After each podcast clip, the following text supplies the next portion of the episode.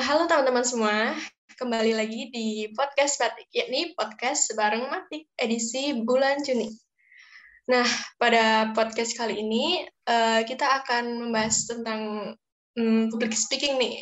Wah, keren banget kan temanya? Uh, tentunya bintang tamu kita nggak kalah keren dong. Langsung aja nih kita sambut Kak Dimas. Halo Kak Halo. Dimas. Nadia. Gimana kabar Nadia? Baik. Aduh. Gimana Kak kabarnya Kak? Alhamdulillah baik dan harus selalu baik sih. Iya, alhamdulillah. Uh, Kak Dimas boleh perkenalan diri dulu nih Kak. Silahkan. Oke. Oke, mungkin sebelumnya aku sapa dulu nih ya para pendengar dari podcast Asik. Batik Simatika nih. Halo para pendengar dari podcast Simatika, semoga selalu masih mendengarkan setiap konten dari podcast batiknya ya. Dan karena aku juga melihat bahwa uh, banyak sekali hal-hal yang menarik di podcast batik ini. Dan mungkin sebelumnya kita perkenalan dulu. Perkenalkan aku Muhammad Dimas Arianto bisa dipanggil Dimas. Aku berdomisili di Tangerang tapi asal dari Jawa Timur Kota Blitar. Ya uh, aku udah angkatan 2017 ya mungkin itu aja. Ih, untuk kesibukannya sendiri masih apa nih kak? Sibukan sekarang hanya tinggal tugas akhir ya dan paling sambil di sela-sela nunggu revisian biasa masih ngisi-ngisi uh, menjadi relawan sih di salah satu uh, apa namanya organisasi sosial. Ih, semangat terus ya kak, semoga iya. cepat, aduh cepat wisuda deh. Amin amin, makasih Nadia. Oke, langsung saja kita masuk ke podcastnya ya, Kak? Siap. Nah, bincang bareng santai aja nih, Kak. Mengenai public speaking nih, Kak. Uh, menurut Kakak sendiri, uh, public speaking itu apa sih, Kak? Oke, uh, sebenarnya kalau bicara tentang public speaking itu masih belum ada penjelasan yang baku atau formal ya, secara khusus yang bisa menjelaskan apa itu arti public speaking itu sendiri. Tapi kalau dari aku sih secara simpel aku bisa katakan bahwa public speaking itu merupakan seni atau kemampuan dalam menyampaikan sebuah pesan tertentu kepada halayak ramai atau kepada orang banyak.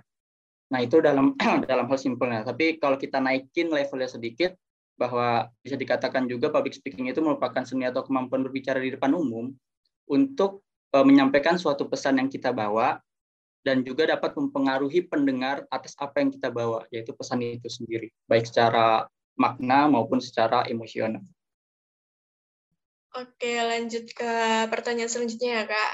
Uh, uh, apa sih yang harus disiapkan sebelum public speaking, Kak? Disiapkan. Sebenarnya aku cuma bisa dibilang lagi, secara simpel itu cuma satu yang perlu disiapkan kalau kita pengen public speaking. Keberanian. Udah cukup satu itu aja. Jadi uh, apa ya public speaking itu merupakan sebuah skill atau kemampuan yang emang dia nggak bisa didapatkan secara instan gitu. Jadi sama seperti skill atau kemampuan berenang uh, mungkin mengendari sepeda atau mungkin skill-skill dan kemampuan lainnya yang, yang memang dia akan terlatih ketika kita berlatih secara terus-menerus sama seperti public speaking gitu. Tapi memang secara uh, textbook atau secara formal kakak bisa mengkategorikan bahwa ada empat hal yang harus disiapkan sebelum kita eh, apa ya berbicara di depan umum atau public speaking atau menjadi public speaker yaitu aku, aku nyebutnya sih 4M gitu. Nah, di mana kayak M yang pertama itu memahami diri sendiri. Nah, apa maksudnya memahami diri sendiri? Nah, ini biasanya nih uh, terjadi pada masalah-masalah internal kita gitu. Ketika kita pengen public speaking ada rasa gugup, ada rasa malu, ada merasa demam panggung, ada merasa kayak tidak percaya diri gitu. Nah, itu yang harus diselesaikan terlebih dahulu sebelum kita berbicara di depan umum. Gitu. Jadi bahasanya bagaimana kita bisa meyakinkan banyak orang, berbicara di depan orang, terus menyampaikan pesan terhadap banyak orang, kalau kita sendiri pun nggak percaya kalau diri kita bisa menyampaikan pesan yang kita mau bawa. Nah itu. Bahkan eh, bisa saya katakan itu hal yang lumrah. Gitu. Sekelas Panji Pragiwaksono pun gitu itu pas lagi pengen tampil di depan panggung dia memiliki dalam tanda kutip ritual gitu kalau aku nyebutnya uh, dia biasanya tuh kayak berdiam diri di suatu tempat gitu uh, yang hanya ada dia nah dia di situ mencoba latihan dalam waktu sejenak Terus nanti kalau saya dengar di beberapa kontennya dia itu dia jongkok dan memukul-mukul lantai gitu. Gitu. Itu dia katakan sebenarnya bukan suatu yang dia buat khusus, tapi itu suatu kebiasaan yang mana itu bisa membuat dia lebih rileks ketika ingin tampil di depan orang banyak dan gitu. Bahkan aku pun, aku pun gitu yang mungkin sebenarnya ya public speakingku juga biasa aja sebenarnya, tapi aku cuma hanya ingin sharing kepada teman-teman semua. Aku pun juga seperti itu gitu. Kalau aku biasanya kebiasaannya uh, ini cukup unik dan mungkin cukup lucu bagi para pendengar nanti ya. Aku biasanya kalau sudah gugup atau demam panggung biasanya itu ada rasa mual gitu. Jadi kalau di acara-acara khusus satu besar, aku selalu menyiapkan tolak angin di dalam sakuku. Nah, ketika emang pengen naik panggung itu baru aku minum. Gitu. Ini lucu dan emang teman-temanku juga kayak selalu menanyakan kenapa harus ada tolak angin di sakuku ketika ada acara besar dan aku diminta untuk menjadi public speaker di uh, acara yang lumayan besar. Nah, itu satu, mengontrol dan memahami diri. Yang kedua, memahami materi gitu. Tentu dalam public speaking balik lagi tadi eh, bahwa kita akan membawa pesan. Pesan sesuatu pesan yang kita mau sampaikan ke banyak orang. Nah, pesan itu bisa dalam hal yang kita sebut materi gitu, dalam hal konteks atau apa pun itu. Nah, kalau kita aja nggak tahu apa yang kita mau sampaikan, bagaimana kita mau menyampaikan hal itu kepada orang banyak. Gitu. Jadi kita harus pahami dulu apa yang kita sampaikan, materi apa atau pesan apa yang mau kita sampaikan gitu. Jadi kalau kita sudah paham apa yang kita sampaikan, kita sudah mengetahui apa yang kita sampaikan, maka secara psikologis atau secara alam bawah sadar pesan itu akan sampai secara sendirinya gitu. Kalau kita aja masih ragu untuk menyampaikan pesan yang ingin kita sampaikan ke banyak orang, ya orang itu pun secara tidak sadar akan menerima secara uh, tidak full atau tidak total gitu. Yang akhirnya pesan itu tidak bisa diterima secara keseluruhan. Nah, itu M yang kedua, eh, memahami materi. Yang ketiga, eh, memahami metode. Nah, jadi public speaking itu banyak metodenya sebenarnya. Nah, apa nah dia mungkin tahu salah satunya. Tahu nggak Nat? Aduh, apa ya Kak? Kurang tahu. Nah, ini Nadia salah satu sebenarnya public speaking. Menjadi moderator, MC, menjadi uh, pembawa acara, menjadi sebuah apa ya orang yang menuntun sebuah acara itu merupakan public speaker atau uh, kemampuan berpublic speaking gitu.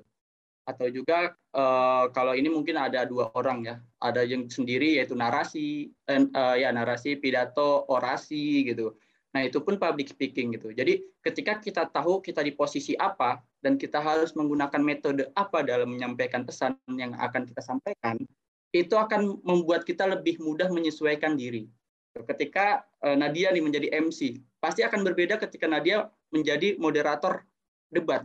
Gitu. Nadia harus memposisikan di mana ketika jadi MC Nadia harus uh, apa namanya? Uh, secara rileks gitu, menjadikan teman pembicaranya. Bagaimana ketika Nadia menjadi MC, menjadikan uh, pendengar itu sebagai teman Nadia juga agar ketika Nadia membawakan acara uh, tidak ada sekat antara Nadia dengan pembicara maupun Nadia dengan pendengar. Nah, ketika tapi akan berbeda ketika Nadia menjadi moderator debat gitu. Nadia harus tegas di mana ketika ada yang melanggar aturan debat itu sendiri Nadia harus tegas. Karena kalau Nadia menjadikan uh, peserta debat itu teman, maka ya Nadia tidak akan dihormati gitu. Maka banyak peraturan-peraturan nanti akan dilanggar oleh peserta debat itu sendiri gitu. Nah, itu yang akan membantu kita ketika kita memahami metode mana yang pas dan uh, metode mana yang dapat kita bawakan sesuai dengan acara yang diminta gitu atau sesuai dengan kondisi dan situasi. Yaitu M yang ketiga, memahami metode. Nah, yang terakhir nih yang sangat penting menurut aku yang dan mungkin ini jarang dipahami dan apa ya, dimengerti oleh para public speaker gitu ini yang dan menurut Bang Panji juga kalau aku sangat senang dengan cara Bang Panji membawakan uh, public speaking atau mungkin materi-materinya. Dan Bang Panji juga bilang ini yang menjadi satu masalah public speaker kenapa pesan yang dibawa itu tidak sampai kepada pendengar? Yaitu M yang terakhir memahami audiens atau memahami pendengar. Dan mengenali gitu. Jadi ketika kita menjadi public speaker kita harus tahu dulu uh, pendengar kita tuh siapa pendengar kita itu dalam range usia berapa uh, pendengar kita itu dalam strata uh, pendidikan setingkat mana, strata sosial setingkat mana gitu. Karena itu sangat penting. Kita nggak bisa berbicara tentang akademisi ketika kita berbicara tentang uh, bersama anak-anak SMA atau SMP gitu. Kita nggak bisa pakai apa namanya istilah-istilah ilmiah karena akan sulit dipahami. Tapi ketika kita akan berbicara bersama bersama sama-sama mahasiswa, ketika kita pakai uh, istilah ilmiah itu akan lebih diterima karena sudah by data gitu, sudah berdasarkan data. Nah, beda lagi nanti dengan orang tua gitu. Kita nggak bisa uh, sok-sokan berbicara ilmiah, sok tahu atau merasa sangat pintar di depan orang tua. Kita harus sedikit berendah.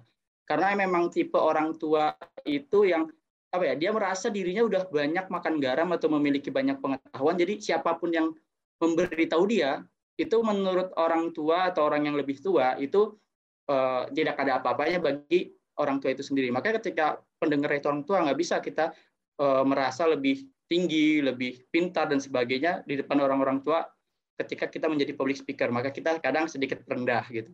Dan juga ketika bersama anak-anak kita nggak bisa bersama anak-anak kayak uh, anak-anak harus diem gitu. Nggak bisa gitu. Jadi ketika jadi public speaking pembicara pendengar anak-anak kita harus memaksakan anak-anak kita harus diam. Ketika kita menjadi public speaker anak-anak itu harus mendengarkan secara serius. Nggak bisa. Kita harus membawakan versi dunia anak-anak gimana kita main dulu kita coba mendekat kepada anak-anak dengan games dengan apa namanya eh, permainan-permainan kecil yang mana bisa mendekatkan kita dengan anak-anak. Setelah itu baru kita masuk materi tapi tidak secara materi full tapi sedikit demi sedikit. Nah, itu banyak cara yang menyesuaikan kepada pendengar. Dan ini yang menurut Pragi, eh, Panji Pragiwaksono itu sangat penting dan bahkan sering dilupakan oleh public speaker yaitu mengenali siapa audiensnya dan pendengarnya. Jadi menurut aku secara simpel aku bisa katakan hanya satu hal yang perlu disiapkan yaitu keberanian, tapi secara textbook atau secara formal ada 4M yang perlu disiapkan yaitu mengenali diri, memahami materi, memahami metode, dan mengenali audiens atau pendengar. Mungkin itu Nadia. Eh, keren banget Kak. Tadi kebiasaan uniknya sungguh ada yang biru ya Kak. Unik banget harus nyiapin tolak angin dulu.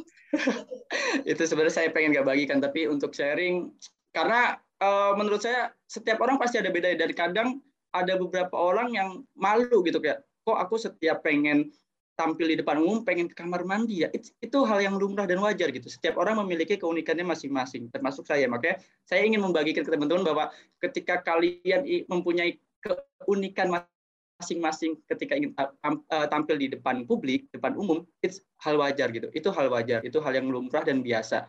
Dan jangan malu dan jangan menjadikan hal unik itu sebagai penghalang kalian nggak mau tampil di depan umum gitu itu yang menjadi pesan dari aku buat teman-teman semua para pendengar gitu. Oke, mantap Kak.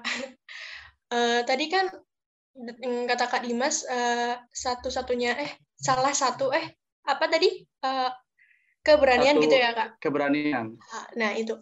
Kalau hmm, buat tipe orang yang kayak aku nih gugup grogi gitu kan nggak berani tuh gimana tuh cara uh, uh, solusinya buat mengatasi uh, grogi ini kak gugup Oke, okay. mungkin uh, sebelumnya aku mau tekankan di sini tuh bahwa uh, mungkin ada beberapa orang yang menganggap public speaking ini atau orang yang bisa menjadi public speaker itu hanya orang-orang ekstrovert. Itu salah besar. Gitu. Bahwa tidak selamanya orang ekstrovert hanya uh, maaf, tidak selamanya orang introvert tidak bisa menjadi public speaker atau menguasai uh, seni atau apa namanya public speaking itu sendiri.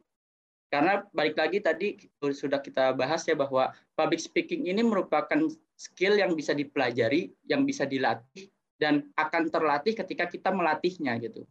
Dan ketika memang kita sendiri sudah apa ya overthinking terhadap diri, ah aku introvert, aku nggak bisa uh, menjadi public speaker, itu sebenarnya datang dari diri sendiri gitu. Itu yang membuat kalian merasa tidak bisa dan akhirnya memang menjadi tidak bisa. Tapi ketika uh, kalian merasa bisa, kalian merasa uh, skill ini berhak dan perlu dimiliki oleh semua orang, maka itu akan bisa.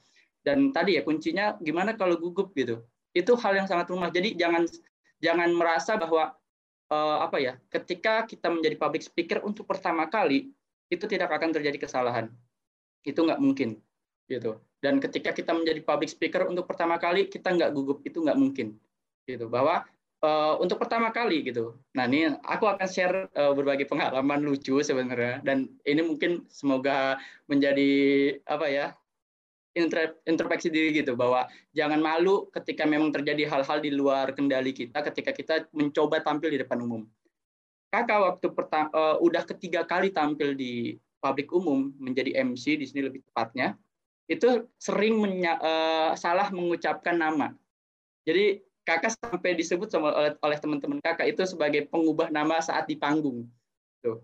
Karena emang nggak bisa dipungkiri bahwa gugup itu akan selalu menempel kepada orang-orang yang baru pertama kali mencoba, baru pertama kali turun ke panggung dan ber, baru pertama kali maju ke depan halayak umum gitu. Dan itu kakak sering eh, apa namanya laku apa namanya terima gitu. Sudah hampir dua kali selama du, menjadi dua MC kakak menyebut eh, salah menyebutkan nama orang gitu. Dan itu hal apa namanya hal yang umum gitu. Jadi kalau ditanya gimana sih kak kalau pengen maju tapi aku gugup Eh, lawan gugup itu. Makanya keberanian itu perlu gitu. Kalau aku menjadi ingat satu kata-kata dari Dahlan Iskan, mungkin Nadia juga tahu nih kata-kata yang banyak orang tahu bahwa apa namanya setiap orang memiliki kadar kegagalannya masing-masing. Maka habiskanlah kadar kegagalan itu agar selanjutnya kita nggak bisa gagal lagi gitu. Dan ini yang yang kakak pakai gitu. Kakak menjadikan dunia perkuliahan, titel kakak sebagai mahasiswa dan tempat organisasi kakak itu menjadi camp training gitu apa tuh camp camp training kak gitu kan tempat pelatihan tempat untuk menghabiskan kegagalan bahwa kakak lebih baik gagal ketika menjadi mahasiswa dan ketika menjadi kepanitiaan itu lebih baik dibandingkan nanti kakak gagal ketika berada di depan umum ketika menjadi bermasyarakat mungkin ketika kakak kerja di kantor gitu lagi presentasi tiba-tiba kakak salah menyebutkan nama bos itu udah nggak bisa dimaafkan gitu tapi kalau misalkan kakak cuma jadi MC Disnat, MC uh, Baksos, kakak salah paling nggak jauh-jauh di eval dan itu menjadi hal lumrah yang emang harus kita pelajari terus menerus dan kita perbaikin gitu. Tapi akan sangat sayang dan sangat disayangkan ketika kita menjadikan dunia perkuliahan ini dan title mahasiswa serta tempat organisasi kita itu bukan menjadi tempat training atau menghabiskan masa kegagalan kita karena kalau kita menghabiskan masa kegagalan kita saat kita keluar kuliah ya kita akan benar-benar gagal. Tapi ketika kita menghabiskan masa gagal kita di masa kuliah, di masa saat-saat ini nih lagi di masa perkuliahan, di masa menjadi mahasiswa atau di organisasi, itu kegagalan kita akan menjadi sebuah koreksi dan koreksi itu akan kita pelajari agar kita lebih baik. Gitu Sinad. Jadi gugup itu hal hal wajar yang aku setiap mendengarkan tentang penjelasan dan apa ya, tutorial public speaking gitu ya, nggak ada orang yang pernah bilang pertama kali saya tampil saya nggak gugup. Itu nggak ada. Coba cek di Google, di YouTube di mana gitu. Pasti dia akan gugup pertama kali. Dan itu hal yang lumrah. Gitu nat paling. Oke kak. Gitu ya kak. Hmm, makasih ya kak atas sarannya nih uh, terus kan uh, kak Dimas nih udah uh, banyak ngisi mengenai public speaking nih udah pengalaman banyak nih tentang public speaking itu Kak Dimas tuh perlu latihan nggak sih Kak? Apa latihan dulu sebelum uh, berbicara di depan, di depan umum gitu Kak? Biasanya gitu okay. nggak Kak? Uh, dibilang sebenarnya banyak mengisi enggak gitu ya. Cuma memang ketika ada teman-teman yang mau sharing bersama aku gitu, ada apa ya tempat di mana aku bisa membagi pengalaman lucuku, pengalaman menarikku, aku akan sangat uh, apa ya bersedia untuk membagikan di situ karena aku rasa skill ini harus dan harus dimiliki oleh setiap mahasiswa gitu. Terus tadi pertanyaannya bahwa ketika aku apa ya sudah beberapa kali menjadi public speaker gitu terus. Apakah tetap perlu latihan gitu? Itu pasti nat. Itu pasti. Dan itu hal yang tidak bisa dihilangkan oleh public speaker gitu. Akan sangat naif ketika kita sudah merasa uh, kita sudah menjadi public speaker yang besar kita sudah merasa menjadi public speaker yang sudah paham akan public speaking dan kita nggak latihan itu sangat naif menurut aku. Karena memang balik lagi ke tadi ya eh, apa apa saja yang perlu disiapkan sebelum public speaking atau menjadi public speaker yaitu 4M gitu. Salah satunya memahami materi. Nah, itu memahami materi itu bukan cuma sekedar membaca gitu. Jadi kayak kita baca sekali, udahlah besok aja lihat gimana. Enggak. Tapi bagaimana kita membaca, memaknai setiap katanya. Terus mungkin ada kok kayaknya ini kata ini kurang pas ya kalau kita sampaikan kepada pendengar kita yang masih anak-anak atau pendengar kita yang masih uh, di bawah kita gitu. Nah itu biasanya perlu ketika kita trial and error gitu, mencoba dan mencoba dan kita menemukan error di mana kita perbaikin. Dan itu perlu melalui latihan gitu. Jadi memang bisa kakak katakan kakak selalu latihan gitu. Uh, kakak selalu latihan sebelum naik panggung walaupun sekedar apa ya mencoba menyapa teman gitu. Menyapa teman atau mungkin apa ya uh, membuka apa namanya membuka acara itu sendiri gitu. Itu kakak pasti latihan. Seenggaknya kakak akan menyiapkan eh, poin-poin uh, penting yang akan kakak sampaikan jadi ketika nantinya tadi balik lagi kakak gugup gitu kakak apa namanya aku merasa demam panggung dan aku menjadi blank atas materi yang aku bawakan. Biasanya aku mengingatnya dari poin-poin penting yang udah aku tentukan. Dari poin itu baru aku akan improvisasi ke depannya gitu. Biasanya kayak gitu sih. Dan latihan itu harus sih menurutku. Bahkan balik lagi ya, lagi uh, Panji Pragiwaksono itu sudah sekelas itu sudah menjadi trainer dalam public speaking. Itu setiap dia naik ke atas panggung dia meminta satu ruangan khusus yang mana ya 10-15 menit sebelum tampil di panggung dia akan berada di ruangan itu sendiri dia akan ya coba membawakan materi yang akan dia bawakan serta yaitu tadi trial and error atau seenggaknya apa ya mencoba mendalami pesan yang ingin disampaikan kepada halayak umum yang bisa kita sebut sebagai latihan sebelum ke depan umum gitu sih Oke, jadi seprofesional kita, seprofesional apakah kita itu kita tetap harus untuk ke prepare ke preparean gitu ya, Kak? Itu pasti. Biar lancar gitu. Oke, tadi kan Kakak udah share nih pengalaman Kakak mengenai public speaking.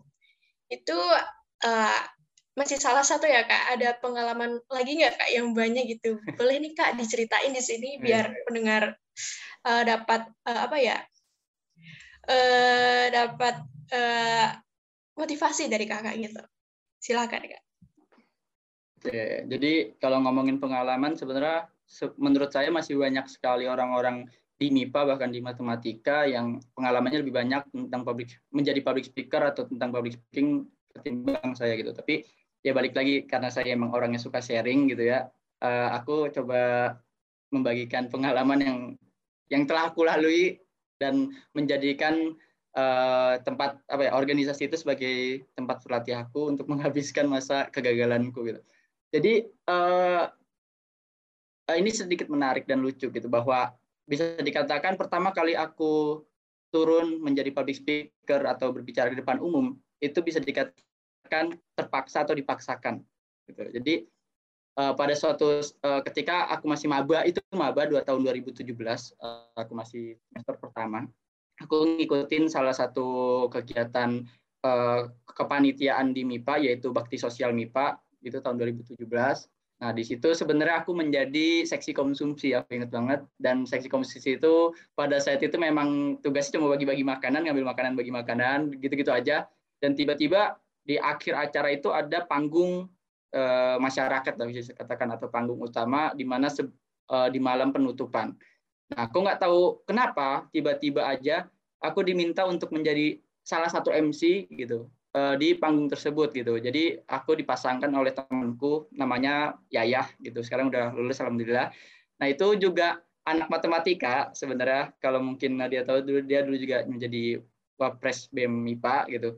Nah, kayaknya dia juga menunjuk aku karena memang sama-sama anak matematika gitu. Jadi kayak ya udah ada Dimas tarik aja lah gitu. Dan aku posisinya nggak punya pilihan karena memang kepanitiaan pertama di MIPA dan aku juga kayak nggak begitu kenal sama uh, orang-orang di dalamnya. Jadi kayak pengen nolak nggak enak gitu. Di sisi lain aku jadi konsumsi juga nggak kerja di di mana divisi lain kerjanya sangat keras.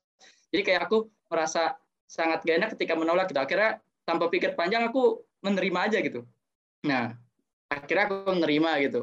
Dan itu pun hamin beberapa jam uh, acara. Nggak hamin satu bahkan, hamin beberapa jam. Jadi kayak sore, uh, malamnya acara jam habis isya, jam 7 itu baru sekitar habis asar aku dikasih tahu gitu. Dan habis asar pun itu masih ada kegiatan yang yang akhirnya nggak bisa membuat aku latihan bahasanya. Tapi memang tetap balik lagi yang tadi aku bilang nggak ada apa ya nggak ada alasan untuk tidak latihan sebelum kita tampil di depan umum. Jadi kalau nggak salah itu habis maghrib atau menjelang maghrib aku baru latihan sama Yaya selaku apa namanya pasanganku menjadi MC di panggung tersebut. Uh, ya udah aku cuma berbicara kayak gimana kita akan membawakan gitu. Nah biasanya nanti tuh di setiap metode ada apa ya? Uh, aku nyebutnya sih pakem-pakem khusus gitu. Jadi kayak misalkan jadi MC dan MC-nya berdua, kita harus menentukan mana yang menjadi MC utama dan menjadi MC backup gitu. Jadi kayak MC pertama biasanya yang memancing MC kedua untuk nantinya tektokan gitu. Nah itu nanti aku di situ diajarkan oleh apa ya eh, kakak seniorku dulu pas lagi di Baksos itu bahwa yang jadi MC pertama si Yaya, aku menjadi MC kedua yang tugasnya ketika Yaya melempar suatu apa ya pertanyaan atau jokes aku yang nangkep atau nantinya Yayah lagi apa namanya ngelempar apa pun itu aku harus tangkep jadi nggak ada kayak eh harus ada keterikatan antara MC satu dan dua. Itu pun latihannya itu hanya beberapa jam. Nggak nyampe satu jam kita latihan yang akhirnya benar gitu. Pasti gagal. Pasti gagal di situ. Uh, ya udah kita bawain seadanya dan di situ pertama kali aku naik panggung dan audiensnya sangat homogen ya anak-anak ada masyarakat ada gitu yang sepantaran ada. Jadi dan aku pun di situ belum tahu bahwa audiens itu sangat penting dan kita harus mengetahui audiens itu gitu cara pembawaan dan sebagainya macamnya ya akhirnya bahasanya sih ya asal omong aja gitu. Asal omong yang penting rame yang penting acara itu terasa dan acara itu selesai gitu. Yang karena emang nggak ada persiapan gitu. Itu yang pertama kali. Akhirnya ya udah selesai gitu. Dan tentu banyak eval tapi aku menjadi tertarik bahwa oh ternyata dengan tanpa uh, bukan tanpa persiapan sih dengan persiapan seminim ini pun aku masih bisa gitu. Dengan latihan cuma beberapa menit beberapa puluh menit pun aku masih bisa gitu. Bagaimana kalau aku latihan dengan serius beberapa hari sebelumnya dan sebagainya itu pasti bisa gitu. Nah itu yang pertama. Yang kedua sama. Uh, yang kedua sebenarnya sama tapi yang ini nggak terpaksa. Jadi setelah baksos aku ngikutin satu penelitian lagi yaitu di Snat di Snat MIPA tahun 2018 kalau nggak salah aku lupa. Pokoknya setelah baksos itu ada di Snat MIPA biasanya. Nah, aku ikutin lagi. Nah di sini posisinya aku terbalik. Aku menjadi acara. Dan biasanya itu orang-orang divisi acara tuh ditunjuk duluan untuk menjadi MC di suatu kegiatan uh, rututan kegiatan uh, di Snat gitu kan. Akhirnya ya mau nggak mau aku pun menjadi mahasiswa baru yang balik lagi menjadi korban untuk percobaan MC dan aku di situ dipasangkan oleh orang yang menurutku udah banyak pengalamannya di public speaker menjadi public speaker. Dan dia udah sering menjadi MC bahkan namanya tuh dulu terkenal kalau udah nyebutin MC-nya ini tuh udah terkenal gitu. Dan itu sama yang tadi kayak Nadia bilang gitu aku aduh kayak pengen mundur. Nggak bisa karena aku acara yang akhirnya malah membuat acara ini nanti nggak jalan gitu kan. Tapi aku pengen maju kayak nggak sebanding sama kakaknya ini. Tapi balik lagi gitu eh, satu hal yang aku pegang itu keberanian aku cuma bilang kak aku nggak pernah jadi MC sebelumnya. Itu apalagi itu di acara uh, apa family gathering yang di mana dosen itu datang pas hari itu dosen datang kan pas family gathering. Terus di situ harus membawa suasana seru harus membawa suasana kekeluargaan di MIPA dan itu aku bilang kak aku nggak punya apa-apa aku nggak pernah bawain acara kayak gini. Dan tolong aku bantu aku. Pokoknya kakak mau latihan tiap hari pun aku sanggupin aku bilang gitu. Karena aku bilang kayak kalau aku gagal bukan aku gagal sih kalau gagal pasti sebenarnya. Kalau aku setidaknya tidak latihan dengan giat aku akan menjelekkan nama uh, partner aku ini gitu. Nah itu akhirnya bener hampir tiap hari aku latihan. Pokoknya kalau pasangan MC ku itu bisa itu dulu namanya Kamaje itu kakak tingkat aku angkatan 2016 kalau nggak salah. Nah itu pokoknya dia bisa, dia ngubungin aku, aku langsung ke MIPA, aku latihan, gitu dan itu terus bahkan kalau untuk yang ini benang berkali-kali karena emang nggak boleh ada kesalahan di sisi lain aku menjadi divisi acara dan di sisi lain aku dipasangkan oleh orang yang udah sering menjadi MC dan di situ sih aku banyak banget belajar tentang MC tentang bagaimana pembawaan suasana biar menarik bagaimana apa ya mengetahui audiens itu lagi lesu atau enggak menaikkan semangat audiens gitu. Nah itu aku belajar dari Kamaje itu. Itu pembelajaran pertama aku di public speaker menjadi MC Nah, terus ini berlanjut. Nah, jadi jadi ini terus berlanjut. Uh, kalau ini MIPA, nah selanjutnya aku di matik gitu. Karena anak pas lagi di MIPA itu anak-anak matik melihat aku menjadi MC di Family Gathering dan alhamdulillah aku dibantu oleh Kamaja itu bisa men, apa ya membawa suasana keseruan ke kekeluargaan di Family Gathering itu. Nama aku tuh sedikit dicap sebagai orang-orang kalau misalkan ada acara tuh coba tunjuk dia dulu jadi MC gitu. Itu tuh dulu aku pernah dengar kabar burung kayak gitu dan benar gitu. Setelah itu ada Disnat Matik tahun 2019 kalau nggak salah. Tahun 2019 di Snapmatic balik lagi aku jadi acara dan bener kakak tingkat aku langsung nunjuk aku menjadi MC itu. Balik lagi kayak aku pengen nolak di situ. Di situ aku pengen nolak karena apa namanya uh, di Matik itu orangnya aku kenal kenal jadi aku sedikit nggak en apa ya malu lah kalau orangnya kenal kan. Kalau di MIPA mungkin banyak yang nggak kenal karena kenal aku jadi malu aku pengen nolak dan aku sudah sempet nolak. Tapi balik lagi dia neken aku bahwa orang di MIPA aja bisa masa sekelas matik nggak bisa sih? MIPA aja bisa gitu. Balik lagi aku di divisi acara aku ditekan aku dan uh, apa ya diharuskan mensukseskan acara karena divisi acara yang nggak ada pilihan untuk nolak akhirnya mau lagi gitu. Bisa lagi latihan lagi. Tapi aku balik lagi aku selalu menekankan aku mau menerima MC ini tapi aku harus dilatih sama orang yang seenggaknya sebul, uh, dulu belum pernah jadi MC. Jadi kalau misalkan di saat 2000 aku 2019 di Matik di Superman 2019. Nah, aku biasanya minta uh, eh, MC Superman 2018 itu untuk melatih aku atau seenggaknya ngasih saran ke aku. Nah, itu biasanya yang menjadi catatan aku gitu. Gimana caranya pokoknya ya seenggaknya ngasih saran walaupun nggak melatih. Jadi aku tahu pakem-pakem apa aja, eval apa aja gitu. Dan itu ya kembali lagi yang aku bilang aku salah nyebut nah di situ. Aku salah nyebut nama balik lagi aku salah nyebut nama dan aku ya udah gitu. Harus terus berlanjut. Dan ya, ya alhamdulillah sih akhirnya aku balik lagi aku menjadikan uh, tempat perkuliahan ini apa tempat pelatihan aku menjadi public speaker.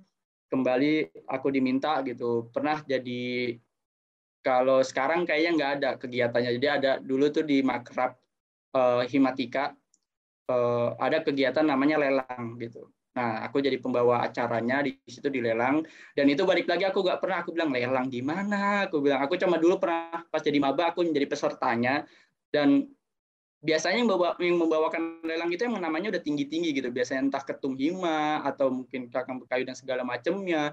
Dan ini aku bilang aku bukan siapa-siapa, aku disuruh menjadi lelang gitu, yang harus uh, sowan atau SKSD kepada maba-maba dan menyerukan acara makrab gitu bilang ya balik lagi gitu siapa dulu pasanganku gitu kan. Terus alhamdulillah pasanganku itu termasuk cutting yang dari maba tuh udah deket sama aku gitu udah menjadi kakak tingkat sharing aku. Itu ada Kariska namanya angkatan 16 juga.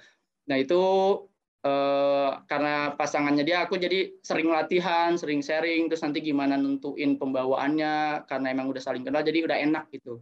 Latihannya pun enak gitu. Dan ya, alhamdulillah eh, dibilang ada kesalahan pasti ada tapi ya di atas ekspektasi aku yang bahwa menurut aku ini pasti banyak kesalahan tapi kesalahannya sangat minim dan apa yang aku bawakan itu alhamdulillah sangat pecah sih kalau kata teman-teman gitu alhamdulillah.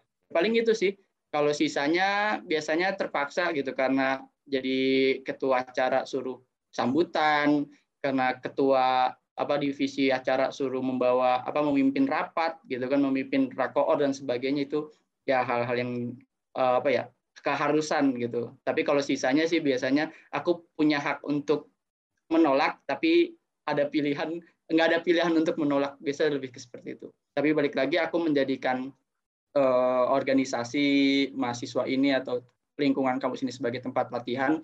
Jadi kalau aku sih mikir takutnya tidak ada kesempatan dua kali yang datang kepada aku ketika aku menolak itu gitu. Jadi ya udah aku terima aja selagi memang aku masih bisa latihan, kenapa enggak? paling itu sih Wah, wow, udah banyak banget ya Kak pengalamannya. Keren banget semua, keren. Bisa dadakan gitu loh langsung. Langsung bisa loh Kak Dimas tuh. Makanya di sini aku berani katakan keberanian tuh karena itu gitu. Karena dulu pun aku nggak berani tapi alah orang-orang dadakan aja bisa, kenapa uh, yang persiapan nggak bisa? Ya udah aku bilang keberanian itu sih nomor satu. Jadi pengalaman mengesankan tersendiri ya Kak. Ih, parah. Banyak banget ya pengalaman itu. Nah, dari tadi udah bahas public speaking mulu nih. Menurut Kak Dimas sendiri nih, seberapa penting sih public speaking buat Kak Dimas? Seberapa penting? Sebenarnya penting enggaknya itu tergantung diri kita sih. Nah, ketika kita memikirkan kita akan uh, kita harus bermanfaat untuk lingkungan sekitar, untuk masyarakat. Tentu public speaking ini menjadi salah satu bagian yang harus ada dan pasti ada. Gitu. Nggak mungkin kita akan bermanfaat bagi masyarakat kalau kita nggak bisa ngomong di depan umum. Nggak mungkin kita bisa menjadi orang yang bermanfaat kepada orang banyak kalau kita aja nggak bisa menyampaikan pesan yang ingin kita sampaikan. Tentu public speaking atau menjadi public speaker itu menjadi satu bagian dari kebermanfaatan itu sendiri. Tapi memang balik lagi penting itu beda-beda gitu. Ketika kita menjadi seorang yang kerja di kantoran, maka public speaking itu penting untuk mempresentasikan hasil kerja kita, untuk menjelaskan apa yang telah kita susun gitu. Mungkin ada nanti mempresentasikan apa ya hal-hal yang diperlukan di dalam pekerjaan. Atau mungkin kalau kita menjadi seorang pengajar gitu kan biasanya ada yang menjadi guru les dan sebagainya macamnya. Public speaker itu penting bagaimana kita menjelaskan tentang anak yang kita ajar kepada orang tuanya, bagaimana kita bisa mendekatkan diri kepada anak itu sendiri gitu. Atau bahkan kalau dalam lingkup luas kita mengajar dari dalam lingkup sekolah gimana kita bisa menjadi teman ketika kita mengajar gitu. Karena sangat nggak asik kalau kita mengajar tapi orang yang kita aja tuh menganggap kita sebagai musuh itu sangat nggak asik gitu kan. Nah jadi memang berbeda-beda tapi mungkin aku bisa kerututkan sedikit gitu ya bahwa uh, pentingnya public speaking untuk mahasiswa mungkin kalau aku balik lagi gitu mengingat salah satu kata dari Panji Pragiwaksono bahwa eh, apa namanya ngomong itu nggak sekedar ngomong, gitu. bicara itu nggak sekedar bicara. Karena banyak orang bisa ngomong dan banyak orang bisa bicara, tapi belum tentu omongan dan bicara orang yang ngomong dan bicara itu bisa masuk kepada pendengarnya gitu. Itu Panji, eh, Panji Pragiwaksono pernah bilang begitu dan aku bilang benar gitu bahwa setiap orang pasti bisa ngomong gitu mungkin uh, ada dengan bahasa isyarat dan sebagainya, tapi tetap dia bisa menyampaikan pesan. Tapi balik lagi, apakah pesan yang kita sampaikan bisa diterima oleh pendengarnya gitu, dan orang yang kita tuju uh, dalam menyampaikan pesan itu. Nah itu yang belum tentu dimiliki oleh setiap orang gitu.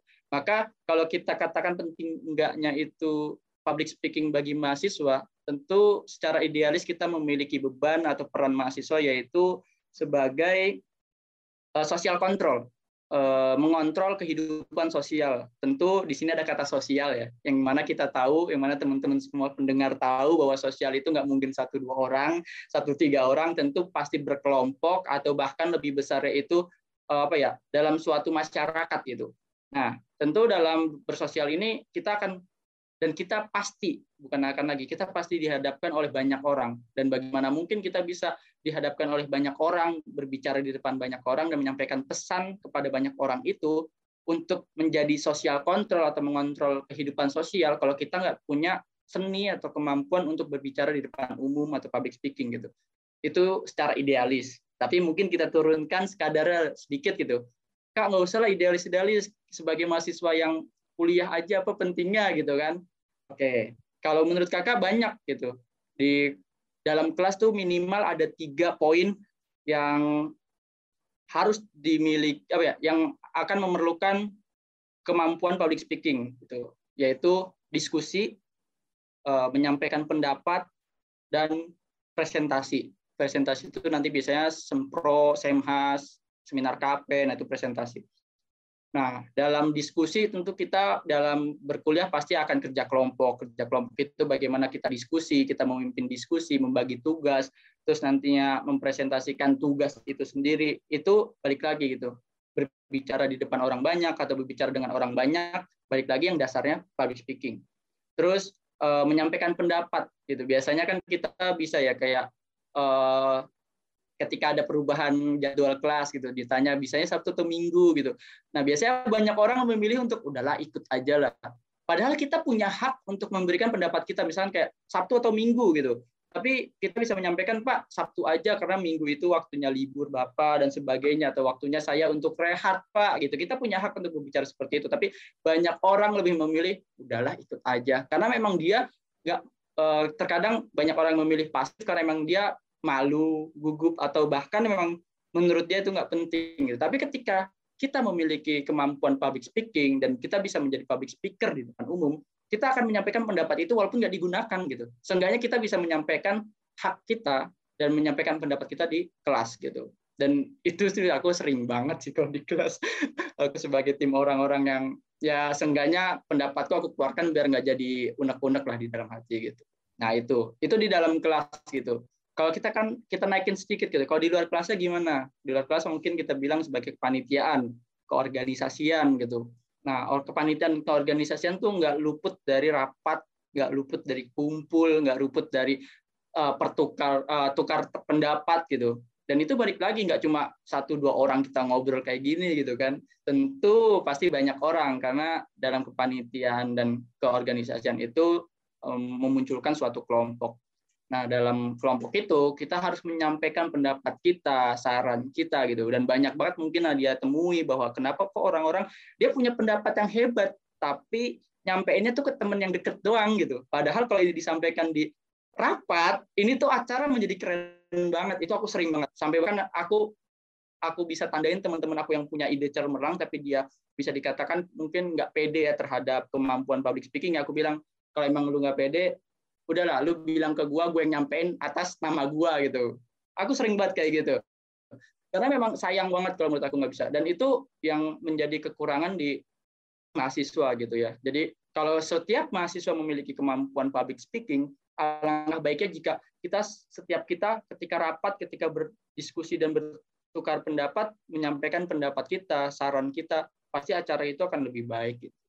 Rapat. Nanti mungkin kalau balik lagi tadi kalau Nadia mungkin kayak gini disuruh jadi moderator, disuruh jadi MC atau mungkin nantinya ketua divisi tadi ya disuruh apa namanya eh, membuka sebuah kegiatan atau biasanya nanti kalau jadi humas suruh menghubungin orang yang sebelumnya nggak pernah kecaitan nama orang itu, nggak pernah kenal, tiba-tiba kayak suruh, kah suruh kita suruh coba akrab dan menjadi teman oleh orang ini. Nah itu itu hal yang mendasar dalam public speaking gitu. Kalau kita udah memiliki dan mengetahui kemampuan atau seni public speaking, itu hal yang ah ya mah maksudnya kayak ya udah aku bisa gitu. Tapi kalau kalau misalkan kita masih belum punya kemampuan atau seni public speaking, pasti kita biasanya tuh bikin kata yang nanti kita taruh note, kita buat ah kayak kurang pas, tanya ke temen, tanya ke temen lagi gitu.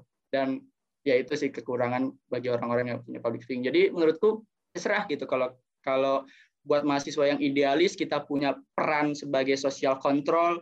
Kalau bagi mahasiswa yang mungkin kayak pentingnya hanya di dalam kelas, ya kita juga punya apa ya pentingnya public speaking sebagai bentuk penyampaian pendapat, diskusi atau bahkan nantinya ada sempro semhas dan seminar KP gitu.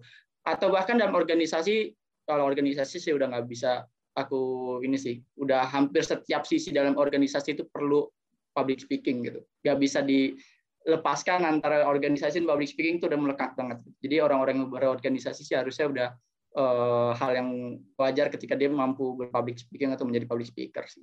Paling itu Nat kalau menurut aku. Oke Kak, mantap banget Kak Dimas nih, ya ampun.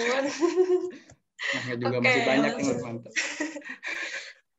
langsung saja Kak ke pertanyaan yang terakhir nih. Uh, harapan dari Kak Dimas terkait prestasi atau cita-cita yang ingin diraih? Berarti harapan aku ke depan untuk diriku sendiri ya. Iya, iya Kak, silakan Kak. Uh, sebenarnya aku bukan tipe orang yang ngoyo dan memiliki harapan yang panjang gitu. Aku cuma biasanya melihat ke depan ya bagaimana nantinya aja gitu. Balik lagi uh, apa ya skill bukan skill sih mental keberanian itu sangat diperlukan menurutku.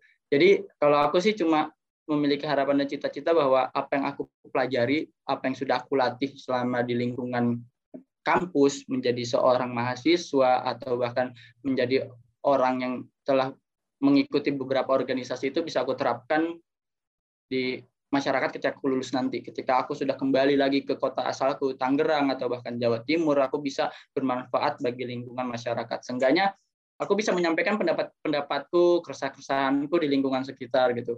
Setidaknya aku bisa apa ya membantu eh, uh, apa ya berkenalan lagi ngobrol diskusi dengan teman-teman. Jadi kayak nggak hanya aktif di kuliahan dan ketika nanti pulang lagi ke lingkungan rumah kita akan pasif gitu. Nah itu kebanyakan kayak gitu dan ya aku nggak mau sih kayak gitu. Jadi semoga yang aku harapkan apa yang aku latih bisa aku implementasikan ketika aku lulus nanti dan ya tentu harapan terdekat aku pengen lulus saja dan segera menyelesaikan skripsiku amin, gitu dan mohon doa juga gitu paling itu sih Oke Kak, semoga harapannya terkabul ya Kak. Amin. amin. Terima kasih Nat. Oke, mungkin itulah podcast batik edisi Juni kali ini guys. Terima kasih buat Kak Dimas nih udah meluangin waktunya. Sama-sama. Terima kasih banget Kak udah jadi bintang tamu kali ini. Makasih Kak. Wah, aku yang makasih udah diundang nih di podcast batik ini yang menurutku keren banget isinya dan semoga ya isinya terus menginspirasi mahasiswa mahasiswa matematika khususnya. Oke, amin, mantap. Sampai jumpa di podcast selanjutnya, guys. Terima kasih.